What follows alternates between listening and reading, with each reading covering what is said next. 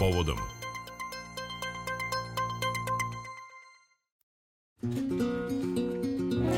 10 je sati i 9 minuta. Započinjemo drugi sat našeg prepodnevnog programa. Evo najpre uz informaciju da je prema poslednjim merenjima u Novom Sadu 10 stepeni. Što tiče e, rubrike Povodom, e, govorimo o tome kome je pripada, pripala ugledna glumačka nagrada za životno delo Dobročin prsten za 2022. godinu. Pripala je glumcu Borisu Isakoviću. On je 35. dobitnik ovog najvišeg glumačnog priznanja u našoj zemlji koje dodeljuju Udruženje dramskih umetnika Srbije i to je još jedan u nizu uh, nagrada koje je dobio Isaković, među kojima su i Zoranov Brg, zatim Sterijine nagrade. On je u sve to bio prvak drame Srpskog narodnog pozorišta, u jednom periodu i njen direktor, a danas je i profesor na Novosadskoj akademiji. Sa novosadskim glumcem razgovara Ivana Maletin Ćorilić. Čestitke na Dobričinom prstenu. Da li doživljavate tu nagradu i kao priznanje za hrabrost i smelost da birate uloge koje nose dozu rizika i kontroverze? Pa ne znam, pre bih rekao da su te uloge izabrale mene, ono, sad kad je sve prošlo, da, ne mogu da kažem, bilo je tu svačega oko tih uloga i mojih odbijanja da ih igram i ovo, tako da ne znam da li tu hrabrost neka velika u pitanju ili prosto nešto kad te pronađe, ono te je pronašlo da Mislim, drago mi je u svemu tome što su obe te stvari koje sam radio ipak napravile nekakav odjek i da su obe kao celine, zapravo i jedno je film, drugo je serija, ali mislim da su vrlo kvalitetno urađene. Nakon 30 godina rada i više od 70 ostvarenih uloga u pozorištu i na filmu, šta vam je primarno prilikom izbora projekata u kojima ćete učestvovati? Sve više s godinama to je šta ima da se kaže kroz to delo.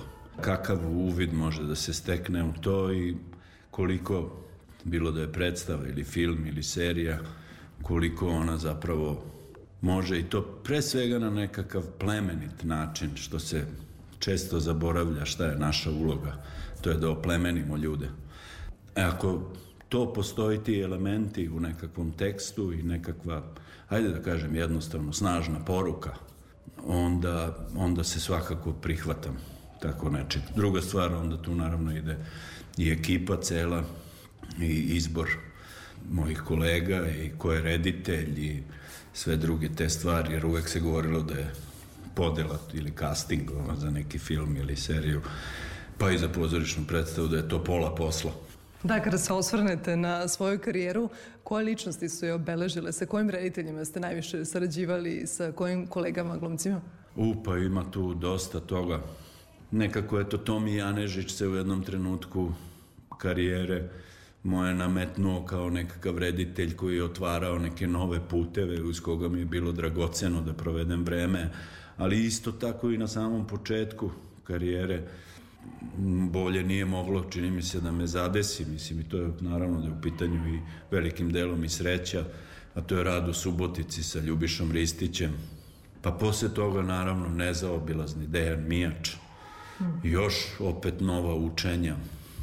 I u tom periodu rada sa Dejanom Mijačem svakako niz ono naših vrsnih glumaca od kojih mnogi nažalost više nisu među nama ali to su bila učenja mislim od Đuze Stojiljkovića od Pere Kralja.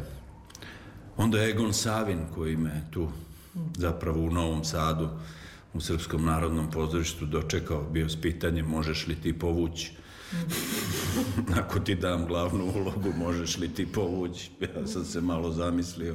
Bio sam jak onda, pa sam mislio da je to da ta fizička snaga potrebna. Boga mi i jeste u tom lakom komadu bila potrebna fizička snaga. Pa sam rekao mogu, pa je onda krenulo sa njim. Isto jedan značajan, veliki period. Ono, i predstava i gospoda Glembajev i to je bio nekako, čini mi se, vrhunac ono, našeg i rad sa Pecom, Eidusom. Tako da, eto, to, to je, nekog ću zaboraviti, sve do Bobe Jelčića i ove poslednje koje je sad već 2018. mislim na repertoaru zašto je poludeo gospodin R. To mi je bio koja je dobila mnogo nagrada u regionu. Jeste, odjeknula, jeste, odjeknula je predstava, da, napravili smo vrlo uzbudljivu predstavu. Savremenu priču. Savremenu priču, da, sa onako sredstvima pozorišnim na koje ponekad zaboravljamo da možemo da koristimo, ali Bobo Jelčić je to stvarno savršeno napravi. Da, poslednjih godina naravno najviše pažnje su izazvale uloge Ratka Mladića u filmu Kvo vadi Saida i Slobodana Miloševića u seriji Porodice koje ste i pomenuli. Šta vas je privuklo kod njih i kako ste pristupili tim ulogama? Jeste li imali neku dozu distance? Drugačiji su postupci bili, prosto, u jednoj i u drugoj stvari. U prvoj stvari što se tiče filma Ko vadi Saida, ja nisam morao da se bavim niti nekakvom biografijom uh, tog čoveka, niti to su vrlo egzaktne scene bile, glavna stvar je tu bila zapravo to transponovati jedan, što je prilično redak postupak, rekao bi, da se da glumac od nekog arski, arhivskog dokumentarnog, dokumentarne građe neke, pa praktično sa YouTube-a da uzme to da i da ga postavi kao filmsku neku, neku ulogu. To je bilo zanimljivo u tom procesu i nisam morao mnogo tu da se udubljujem, osim onoga što je središte određenih događaja koji su bili. Dok je sa ovim ulogom Slobodana Miloševića bila drugačija stvar u pitanju, tu je svakako trebalo zahvatiti dublje nekakve porodične odnose, i biografiju njegovu na određeni način i videti zapravo šta iščačkati šta, šta se krije u tom čovjeku, iako su okolnosti koje su posmatrane u toj seriji isto pravile vrlo zadate nekakve okvire, jer se radilo o poslednjih dva, tri dana zajedničkog života zapravo te porodice. Tako da tu sam morao stvarno da se približim karakteru više, pa čak do te mere jel, da, da se ode, ne bi rekao u imitaciju samo, ali da pokušam da pokupim ono što više, pa čak, čak i toga, mislim, nekakve sličnosti, o čemu mi je naravno, su mi pomogli iz ovoga dela, iz sektora šminke puno, Izazvalo je kontraverze, mislim, ra, razne kontraverze, mislim, ono stvarno da, da čovjek se zapita da li, ma ni, ni, ništa me više ovde ne pogađa. Verujte mi da mi ništa... Što to govori o nama kao društvo? Pa to je, mislim, to je, ne znam, toliko jedan odnos, ne znam ni kako bi ga nazvao, mislim, poistovećivanja nas glumaca sa našim izborima, jer to mnogi ljudi kao na početku razgovora što smo rekli, mislim, ne shvataju da neke uloge biraju nas, mislim, nije to, ne dajem ja sam sebi tu ulogu, nego neko vidi to, ja sam u nekakvom treningu dugogodišnjem, gde sam se bavio ozbiljno nekakvim dramskim ulogama, i u pozorištu od početka, mislim, ja sam započeo karijeru svoju da, kod Ljubiše Ristića da sa Richardom III, mislim, kao mm -hmm mladi, vrlo lepa su mi tad govorili ne možeš da igraš ti Richarda trećeg zato što si tako visok, tad sam bio i tanak, sad više nisam, pa ali kao Richard treći je, no, međutim, sve te stvari sam ja vrlo dobro absolvirao, čini mi se još kod mog profesora Bore Draškovića, gde on upravo, kako da kažem, je znao da se spoljni efekat je lako napraviti, a tako? Grbu Richardovu je lako napraviti, a on nas je učio uvek na akademiji da je ta grba zapravo nešto što se odnosi na dušu, da je to grba u duši, pre svega koja se onda ispoljila i da. tamo na, na onom mestu. To je ono što se mi pitamo kako mi izgledamo, svako jutro kad se pogledamo u ogledalo, a zapravo to kako mi izgledamo zavisi zaista od, od naše suštine i od naših osjećanja nekakvih kompleksnih, svega to, to je sve ono što se vidi u našim očima i na našem licu. Nakon filma Kvo vadi Saida, koji je osvojio čak tri evropska Oscara za najbolji film, režiju i za najbolju glumicu Jasnu Đuričić, bilo je teško nadmašiti tu 2021. godinu, ali čini mi se da je to vama pošlo za rukom, odnosno da vam je i prethodna godina bila vrlo uspešna na filmskom platnu, nekoliko značajnih naslova, heroj radničke klase Miloša Pušića, zatim Praznik rada, Pjera Žalice. Šta vam je obeležilo prošlu godinu na tom umetničkom planu? To su bila sve iznenađenja. Ovo mi je jako drago bilo u Sarajevu poziv Pjera Žalice. Mi se smo se površno prilično poznavali, ali on je nekako uvek izražavao želju da radi sa mnom, kao i ja u, u ostalom, jer sam obožavao uvek da gledam sve njegove filmove i znamo kako oni na jedan poseban način i posebnu osjećajnost on ima. I oni se stvarno duboko nekako u narodu se ti filmovi jako dobro znaju, mislim, iako naravno da su oni osvajali nekakve nagrade, pa evo sad i u Poljskoj, u Varšavi je taj Žalici novi film dobio Grand Prix, ali me je to privuklo što nikad nisam radio, mene su stalno birale neke uloge upravo ovako nekakve Negativno ozbiljne, da. teške, dramske da. uloge, da, tako da je ovo bilo fantastično nekog, nekog čoveka tamo iz Sarajevske raje odigrati sa svima njima, sa svim kolegama s kojima sam radio, to je bilo posebno stvarno zadovoljstvo i nekako i, i čast i sreća.